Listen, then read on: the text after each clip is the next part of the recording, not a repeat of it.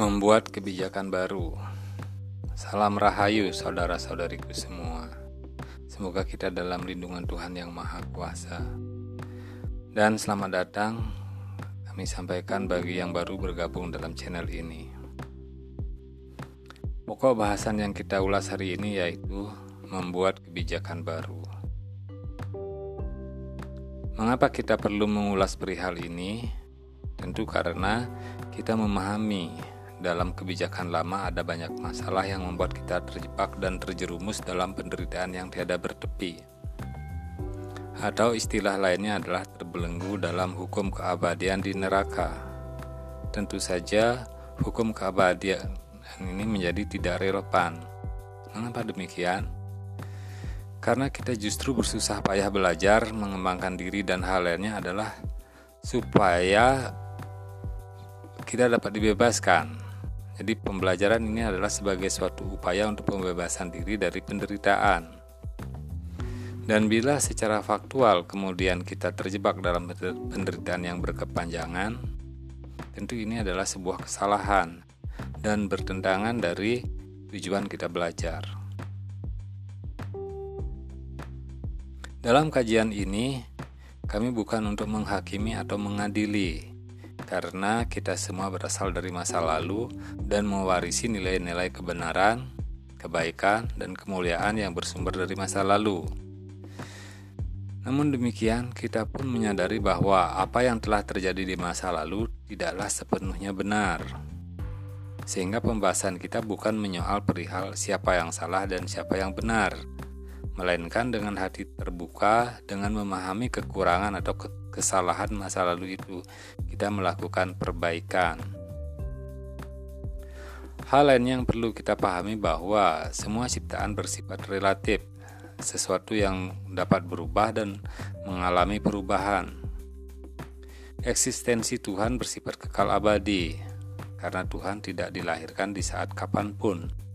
Namun ciptaan Tuhan bersifat sementara, sesuatu yang relatif dan dapat mengalami perubahan ataupun dicetak ulang. Manusia dan alam semesta ini adalah ciptaan. Kalau kita saksikan, maka setiap saat manusia maupun alam ini selalu mengalami perubahan.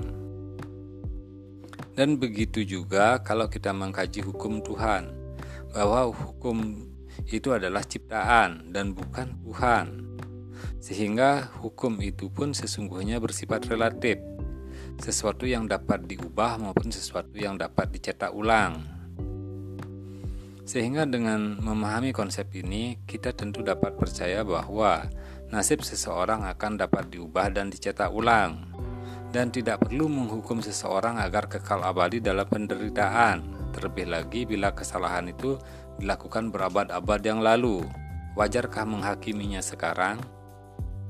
Tentu semua ini menjadi tidak jelas, bukan? Nasib seseorang itu berhubungan dengan keyakinan dalam diri seseorang bersangkutan. Maka sesungguhnya bagaimana dia mengubah nasib kehidupannya adalah berhubungan dengan perubahan keyakinan dalam dirinya sendiri. Dengan perubahan sudut pandang, maka berubahlah pula sikap dan perilakunya. Dan kita pahami bahwa perubahan sikap dan perilaku adalah dasar dari perubahan nasib kehidupan. Inilah kunci-kunci yang harus kita pahami saat hendak mengubah nasib seseorang. Penderitaan bersumber dari emosi benci. Dengan melakukan perubahan kesadaran emosi, maka sikap hidup berubah. Dan di sinilah kesadaran emosi itu diubah dan diarahkan pada cinta kasih. Dengan perbaikan kesadaran emosi, maka roda nasib pun pasti berubah. Karena keyakinan sudah berubah dan perilaku kehidupan pun berubah.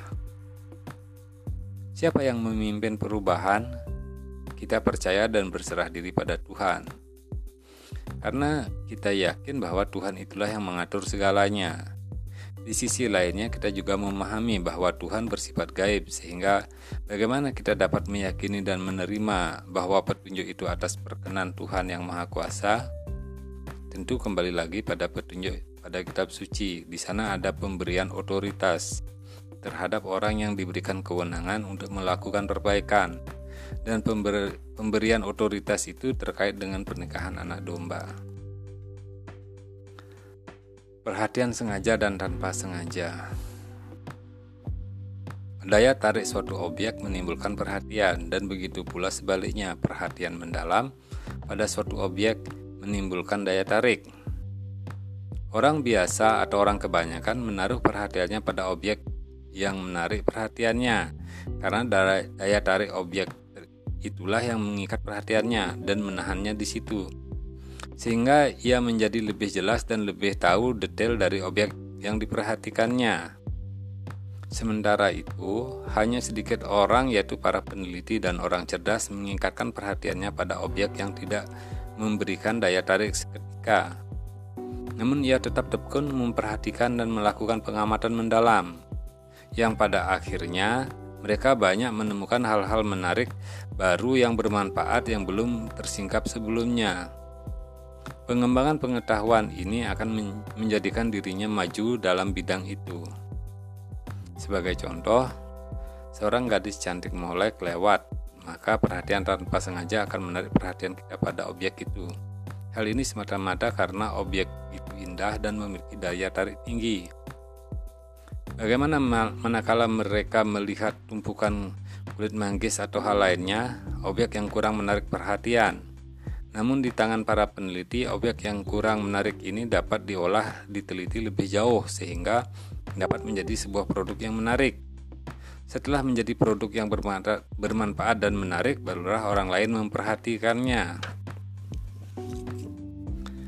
Banyak orang memberikan perhatian mendalam terhadap gitaris Venger Style Alip Bata. Hal ini karena kompetensi dia memainkan gitar sangat menakjubkan.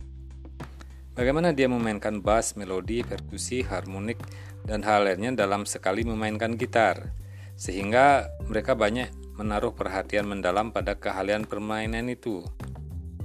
Mengapa permainan ini memiliki daya tarik tinggi? Karena tak banyak orang yang bisa memiliki keterampilan seperti itu. Banyak gitaris handal dan profesional mengakui keunggulan permainan yang ditunjukkan oleh Alip Bata. Tentu saja Alip Bata tidak secara tiba-tiba tersohor seperti itu. Tentu ada latihan tekun yang telah membuatnya menjadi demikian. Sebagai peneliti atau yang ingin maju dan berkembang pesat, memang harus memiliki kemampuan perhatian yang disengaja.